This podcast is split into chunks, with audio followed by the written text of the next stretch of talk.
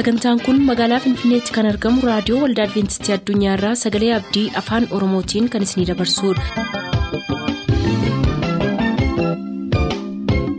attam jirtu dhaggeeffattoota keenya sagantaan keenyarraa kan xiyyeeffatu fayyaa fi kitaaba qulqulluu irratti ta'a faarfannaa adda addaas qabna hamma dhuma qophii keenyaatti nu waliin tura.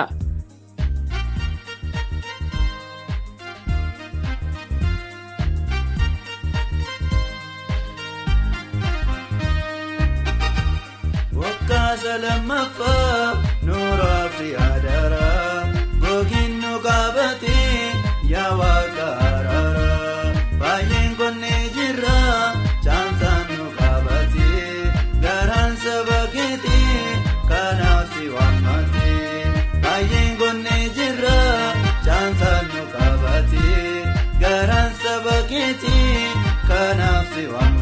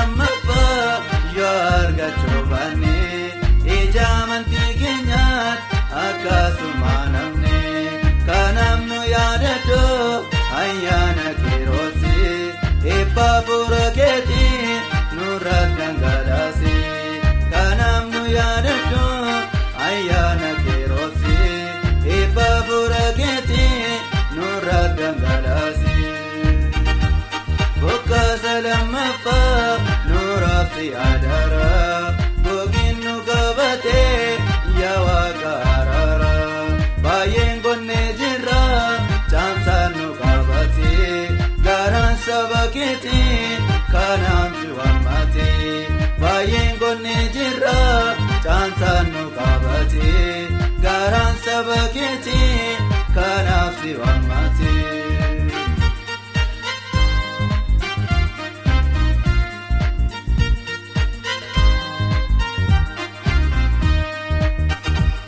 Waggaanni lammataa hojii guddaa qaba ari'atamuu keessatti jabeessee nu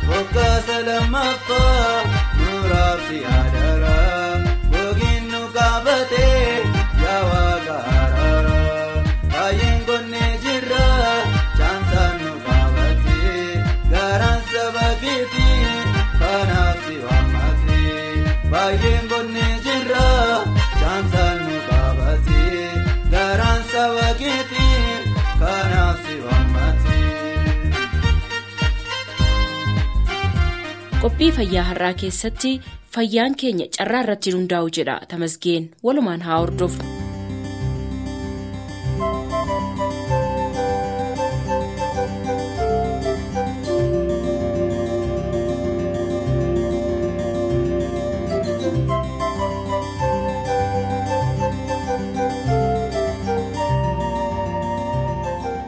fayyiin hundumaaf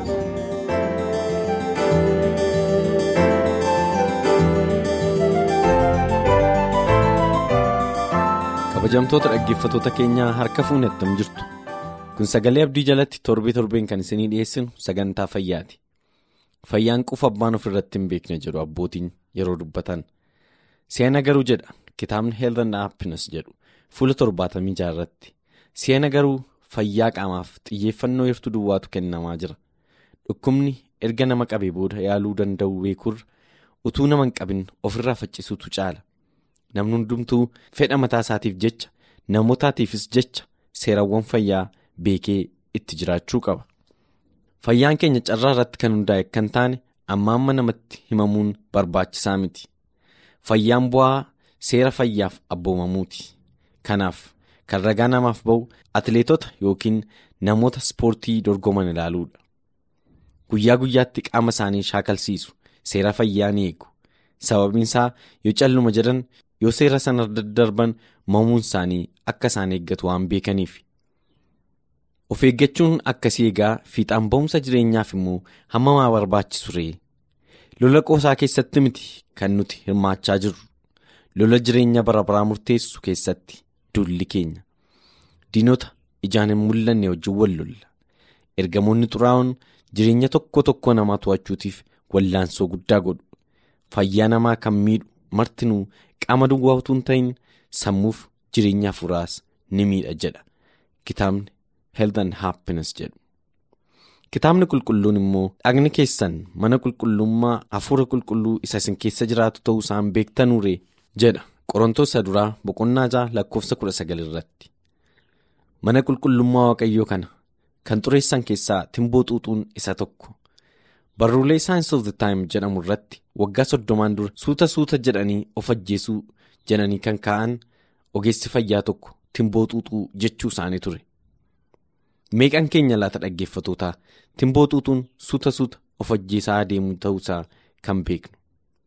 Ogeessi fayyaa lammii Ameerikaa tokko qorannoo dhiyootti geggeessaniin timboo maraa tokko xuuxuun jireenya ofiirraa daqiiqaa kudha torba hir'isuudha jedhan. Timboo xuuxuun rakkoowwan hedduu isaan qaqqabsiisan keessaa dhukkuba onnee dhukkuba qaama hafuura baafannaa kan akka biroonkasiif sombaa kaansarii sombaa kaansarii afaanii qoonqoof liqimsituu akkasumas kaansarii afuuffee fincaaniif rajijii qaqqabsiisuunsaa saayinsiitiin mirkanaa'eera. Namni timboo xuuxu keemikaalota qaama namaatiif summii ta'an lama nikootiniif kaarboon monoksaayid kan jedhaman somba isaanii irratti facaasu. Kaarboon monoksaayidin iddoo silaa oksijiniin dhiiga keenya keessaa qabachuu malee qabachuutiin baay'ina oksijinii dhiiga keenya keessa deddeebi'u xiqqeessa. Oksijiniin immoo seelii hundumaaf minaan isa guddaadha. Fakkeenyaaf sammuun namaa oksijiniin argatu taanaan daqiiqaa hirtuu ishee gidduutti hojii isaa dhaabee nama sana du'aaf kenna. Kun jechuun egaa warri timboo xuuxan kaarboon monoksaayidii yommuu qaama isaanii irratti facaasan. Balaa guddaatiif saaxila akka of baasaa jiran beekuu qabu. Nikootiniin immoo keemikaala qaama keessa jiraatan kaataakolamaansi jedhaman akka isaan hedduu dhiiga keessatti burqan godha. Isaan immoo bal'inaaf dhiphina hidda dhiigaa irratti jijjiirama fidu. Keessumaa namni tokko yeroo timboo xuuxu hiddi dhiiga isaatii dhiphachuudhaan dhiibbaan dhiiga isaatii ol ka'a. Warra timboo xuuxan immoo kan araada qabsiisan keemikaala nikootiin jedhamu kana. Warra hedduu beekamoodha jedhaman isiniif kaafne malee aara timboo keessa keemikaalonni nama miidhan gara kuma afurii akka jiran saayinsiin fayyaa qorannootiin bira ga'eera. Fakkeenyaaf keemikaalli afaan oromootiin leelee kan jedhamu afaan ingiliffaatiin immoo taar jedhamu kaansarii fiduutiin hedduu kan beekamedha. Dhukkubsattoonni onnee waggaa waggaatti du'an keessaa dhibbeentaan 20 timboo xuuxuutiin kan umuriin isaanii gabaabsanidha. Biyya keenya keessatti qorannoon akkasii yoo gaggeeffamuu baateyyuu qorannoo biyya Ameerikaatti gaggeeffameen sababa ka'umsa kaansarii ta'uutiin kan timboo qaqqabu hin jiru. Dhukkubsattoota kaansariin du'an keessaa dhibbeentaan soddomni timboo xuuxuutiin kan qabamanidha. Keessumaa kaansarii sombaaf kan akka timboo sababa ta'u hin jiru. Dhaggeeffattoota waa tokko hubannaa kaansariin amma yoonaatti dhukkuba qoricha hin qabne ta'uusaa. Bara 1991 akka lakkoofsa Awurooppaatti biyya Ameerikaa qofaatti namoota 1,143tu kaansarii sombaatiin du'e. isaan keessaa harki 85 timboo xuuxuutiin kan qabamanidha biyya keenya keessatti immoo tarii lakkoofsi kun hammam laata amma yoonaa qorannootiin wanti beekame yoo hin jiru ta'eyyuu akka inni guddaa ta'e hin shakkisiisu. Namoonni timboo paaketii tokko guyyaatti xuuxan carraa kaansarii sombaan qabamuu isaanii dachaa kudhan warra hin xuunne caalaa ol kaasu. Akka qorannoo saayinsii hawaasummaaf xiinsammuutti warri timboo xuuxan wadoon isaanii kana duwwaa miti. Warri timboo xuuxan warra hin xuunnerra alkoolii bunaaf shayii dhugu. Dubartoota keessatti dhaabbachuun dhangala'uu daraaraa warra xuuxan keessatti dafee mul'ata. Jabinni honneen isaanii qabu kan warra kaaniirraa gadi. Namoonni warra timboo xuuxan bira jiraatan hamma warra xuuxanii yoo ta'u baateyyuu isaanis balaa amma kanaan dura hirreef saaxila ba'uudha. Sababiin isaa isaanis qilleensi isaan somba isaanii keessatti ol fudhatan aram keemikaala timbootiin kan faalaman waan ta'eef. Warri timboo xuuxan dinagdee isaaniif dinagdee maatii isaanii irrattis ba'aa guddaa ta'aa jiru. Guyyaa guyyaatti qarshiin ittiin timboo bitan sun dhimma hedduurra isaaniif ooluu hin danda'a ture. Maarree kun suuta suuta harkaan of ajjeesuu mitiiree dhaggeeffatootaa. Gorsi nuti warra xuuxaniif qabnu utuu ooltanii hin bulin summii kanarraa obbaafadhaa kan jedhudha. Suuta suuta jedhanii dhiisaa adeemuutiin dhaabuuf yaaluun kufaatii fida dhumisaa. Murteeffannaan dhiisuun barbaachisaadha. Namni murteeffate waaqayyo isa gargaara dhiisuu hin danda'a. Timboon karaa ittiin seexanni namoota miidhu keessaa isa tokko. Kanaafuu kana mootiif humni waaqayyoo barbaachisaadha. Dhaggeeffattoota egaa kun jechuun kadhannaan tarkaanfii isa jalqabaati timboo xuuxuu dhaabuudhaaf. Nagaa waaqayyoon nu tura.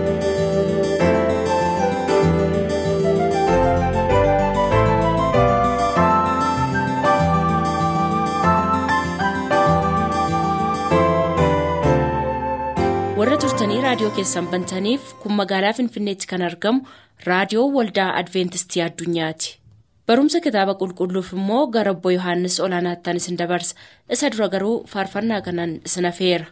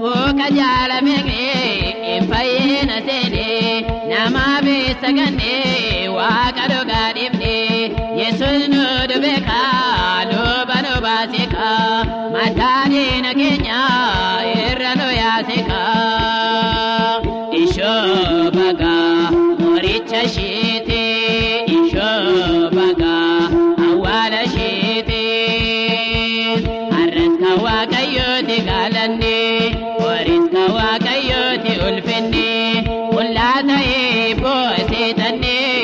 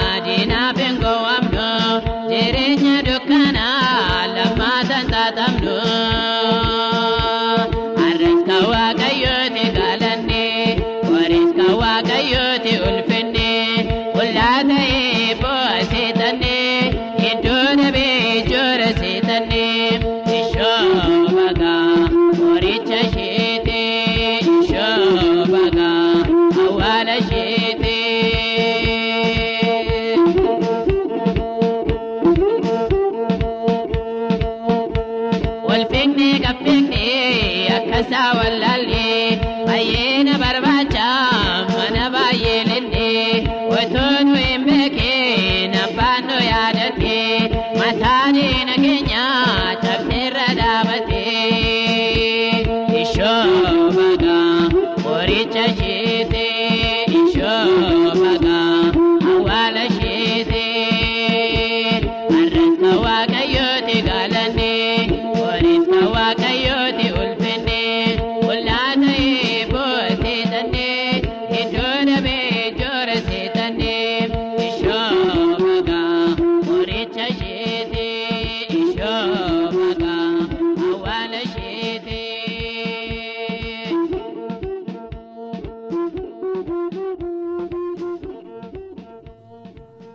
Ayyaanni Waaqayyoo hunduma keessanii wajjin haa ta'u.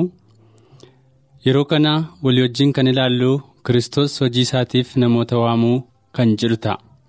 Kakuu moofaa keessatti Waaqayyo kan waame keessaa namoota ilaaluu dandeenya. Jalqabatti kan ilaallu garuu seera ba'uu boqonnaa sadii lakkoofsa shan irratti akka dubbatu Museedhaan Waaqayyo asin dhiyaatiin kan jedhu ergaatti dubbate ilaalla. Seenaa kana kana dura beekuu ni dandeessu ta'a. Garuu dinqii waaqayyo hojjete gabaabsinee ilaalla. Museedhaan kan jedhame bakka ati dhaabattee jirtu kun qulqulluudhaa waaqayyo waan kees qulqulluudhaa utuu hin qulqullaa'in asin dhiyaatiin kan jedhu ture.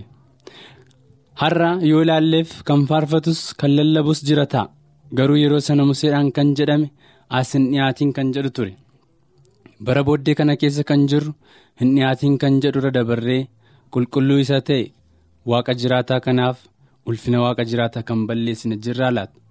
Fakkeenyaaf mana nama guddaa yookiis beekamaa tokko seenuudhaaf kophee keenya baafachuun kaalsii keenya miiccachuun barbaachisaadha har'a eegaa mana nama foonii galuuf kan hundumaa goona erga ta'e mana waaqayyo waaqa jiraataa gooftaa gooftotaa isa ta'e galuudhaaf maal gochaa jira? Kophee keenya kaa'annee yommuu adeemnu miidhaa baay'ee nurraa eegaa nu gargaarus danda'a ta'a? Haa ta'u malee kopheen keenya ni dhuma. Ni hodhama kan kana fakkaatu ofitti baasii kiristoos duratti gad of deebis kan jedhu sagalee waaqayyooti. gara museetti yommuu deebinu har'a biyya lafaa kana keessatti nama beekaman akkuma jiru museen nama akkasii ture. museen ergaa kophee kee baasi jechuun erga isa qaqqabee mana gaarii jireenya gaarii dhiisee mana mootii keessa jiraachuurraa hoolota waaqayyo eegee digirii argachuu filate.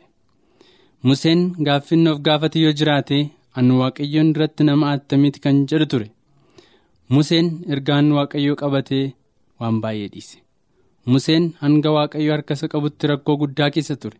Haa ta'u malee Museen rakkina isa hundumaa gubuu kan danda'u humna guddaa isa kan qabu fuula isaa duraa akka jiru arge. Sabni Israa'el yommuu dhiphate hin jajjabeesse waa'ee galaana diimaa haa yaadannu. Museen kophee isaa erga baafatee booddee fageessee waan waaqayyo hojjetu arguuf aangoon isaaf kenname. Humni waaqayyoo jiraachuu isaas hubatee galaanni kun akka hiramu bare. Hubatees amane. Kanaafis kopheen kan koo nagaa kan waaqayyoo filadha jechuudhaaf ofiisaa hin murteesse. Har'a yoo nyaannes yoo jiraannes ulfina waaqayyootiif ta'utu nurra jira. Museen hin danda'u jedhe malee nan danda'a jedhee kan inni jedhe tokko illee hin jiru. waaqayyo na dandeessisaa jedhe. Dubartiin homaa tokko hin qabne mana kootis waan tokko hin qabu kan qabnu yoo jiraate nyaannee duudhaaf jette. Waaqayyo garuu karaa Elsaa'iin raajicha dinqii isaan hojjenneere har'aa yoo nyaannee borduudhaaf jenna yommuu jette. Gaanii ishee maaliin guute jedha? Macaafni qulqulluun zayitiidhaan guute jedha zayitiin kun garuu kan inni agarsiisu fakkeenya hafuura qulqulluuti. Har'a waaqayyotti yoo amanne namoota amanan yoo taane hafuurri waaqayyoon guutamnee waan hundumaa hojjechuu hin dandeenya. Kanaafituu Museen waan tokkollee ani hin danda'u jedhe waaqayyo na dandeessa jedhe. Kanaaf kan fide kophee isaa baafachuun inni na ga'aa waan hundumaa nan dhiisaa wal balleessuu mataa isaa jaallachuu xuraa hundummaa hundumaa dhiisee waaqayyotti duwwaa ta'uu isaa mul'ise. Waaqayyos geggeessaa saba isaatii akka ta'u isa godhe. Nus waaqayyoof yoo of laanne. Ergaa bara dhumaa kana labsuu ni dandeenya. keessumaa ergaa ergamoota sadanii. Sagaleen hafuura raajii kan jedhu ergaa akeekkachiisaa kan kennaan hundumtuu yaada isaanii harki isaanii lubbuun isaanii qulqulluu ta'uu qaba. Yoo kana ta'uu baate waaqayyo isaaniin fudhatu jedha. Museen saba israa'eliin harka faayoon keessaa baasuudhaaf kophee isaa akka baafate saba waaqayyo biyya lafaa keessaa baasuudhaaf kophee keenya baasuu qabna. Iddoo qulqulluu dhaabachuudhaaf. kan jibbaaf kan lolaa kan kana fakkaatan ulfina waaqayyootiif kan hin taane hundumaa ofitti baasutu nurra jira. Museedhaan ergaan jedhu seera ba'uu boqonnaa sadii lakkoofsa kudhanii hanga kudha tokkotti ani waaqayyo waaqa keetii iyya saba keetii kanan dhaga'u dhaqxee harka faariyoonii akka baaftuuf sin ergattiin jedha. Museen garuu an nama attamiitii jedha. Nus har'aa murtii akkasii fudhannee sirriitti hojii waaqayyoo hojjechuudhaaf. ulfina waaqayyoo agarsiisuudhaaf isa duratti gad of jechuutu nurra jira. Museen dhumarratti an dubbachuu hin danda'u nan cafaqaa dubbachuu hin danda'u jedhe. Waaqayyo garuu afaan namootaa kan uume eenyu amma dhaqi an afaan kee wajjin nan ta'a. Ati kan mataa keetii kan dubbattu kan koo malee waan biraa tokkoyyuu hin qabdu. Waan hundumaa sin barsiisa dhaqittiin jedhe. Kan hundumaa waaqayyo museen yommuu dubbatu. nan amanan jenne. Kana booddee waaqayyo milikkita garaa garaa akka fudhatee dhaqu. Saba israa'eliinis harka misrii baasuudhaaf humna waaqayyo isaa kenne akka inni mul'isu godhe. Mee utuu seenaa musee kanaan fixiniin migara nooyitti haa deebiinu nooyin kan jedhames yoo laalle bidiruu tolfadhu ittis gali kan jedhu ture. Hammeenya namootaa fuula waaqayyo irratti baay'ataa yommuu adeemu waaqayyo nooyin bidiruu tolfadhu jedhe. nooyis waaqayyo akka abboome waggaa dhibbaaf digdama erga lallabaatu jiruu bidiruu isaas tolfachuu ittuma fufe. Haa ta'u malee namoonni hundumtuu nu gorsa nooyi dhaga'u irraa kan of jaallatu hundumaas jaalala waaqayyoos kan hin beekne gara jabeeyyii turan. Bisaan badiisaa kana duras sichis hin ta'u kana duras hin taane jedhanii waan yaadaniif jireenya waaqayyo isaaniif kenne waan tokkollee hin yaadin hin barbaadanis turan. kanaaf waaqayyo nooyin kan jedhe gara bidirichaatti gali. Guyyaa torba booddees biyyi lafaa bisaaniin hin guute. Bidirichis hamma gaarotaatti dheerattis dhokfame oliis hin fudhatame. Yeroo sanatti dhimmanii waan hin beekneef kan isaan oolchu tokkollee hin turre. Bidiriin kun har'a waldaa keenya keessatti kan fakkeeffamtudha nuyi bineensota keessaa kormaaf dhalaa wajjin gara bidirichaatti gale. namni akka bifa waaqayyotti uumame sagalee waaqayyo waan dhaga'u dideef bineensonni bakka namootaa itti galuu danda'an. Nana mana bidiricha keessa fooliin gaarii akka hin turre haa ta'u malee warri bidiricha keessa jiran bisaan badiisaa jalaa hafan. Warri alatti hafan garuu bisaan badiisaatiin dhuman. Kanaaf har'as waldaa kiristaanaa keessatti waaqayyo isa keessa akka jiraannu. kiristoosii wajjiniin ulfina isaatiif akka jiraannu barbaada. Har'a namoonni baay'een waldaa waaqayyoo gadhiisanii ba'aa jiru kiristoos garuu gargar ba'umsaan akka isatti amanu miti kan abboome ulfina waaqayyoo akka mul'isnu barbaada kanaaf seenaa namoota kana lamaan yoo laalle museen humna waaqayyoo kennee fageessee hubate akka ilaalluufis jireenyi museen nu keessatti irra calaqqisuu qaba. Waaqayyoof kan dadhabame hin jiru. Museen nan danda'a kan jedhe iyyuu hin qabu. Waaqayyo na dandeessisaa jedhee waan yaadeef mataasaa jaallachuu jibba hundumaa dhiisee waaqayyotti duwwaa ta'uusaa mul'ise. Waaqayyo gaggeessaa saba isaatiis. Museenis gaggeessaa saba isaatii akka ta'uuf waaqayyo isa godhe. Nus waaqayyotti yoo of laanne ergaan waaqa keenyaa isa jiraataa ta'e kan saba lafarra jiraniif dabarsuu ni dandeenya. Museen saba Israa'el harka Faariyoon keessaa baasuudhaaf kophee isaa akka baafate nus saba waaqayyo biyya lafaa kana keessaa baasuudhaaf ulfina waaqayyo kan hin taane jaalala waaqayyo kan hin mul'ifne ofitti baasuun of keessaa baasuun nurra jira. Kana booddee waaqni Museedhaan hojjete ergaa bara dhumaa nunis hojjechuu hin danda'a. Kanaaf waaqayyoof hojjechuudhaaf lallabuudhaaf faarfachuudhaaf hojii waaqayyoos hojjechuudhaaf fayyuudhaafis kophee keenya galaatiyaa boqonnaa shan kudha sagalii hamma digdamaatti kan jiru ofitti baasutu irra jira. Kan akka goonuuf waaqayyo nu haa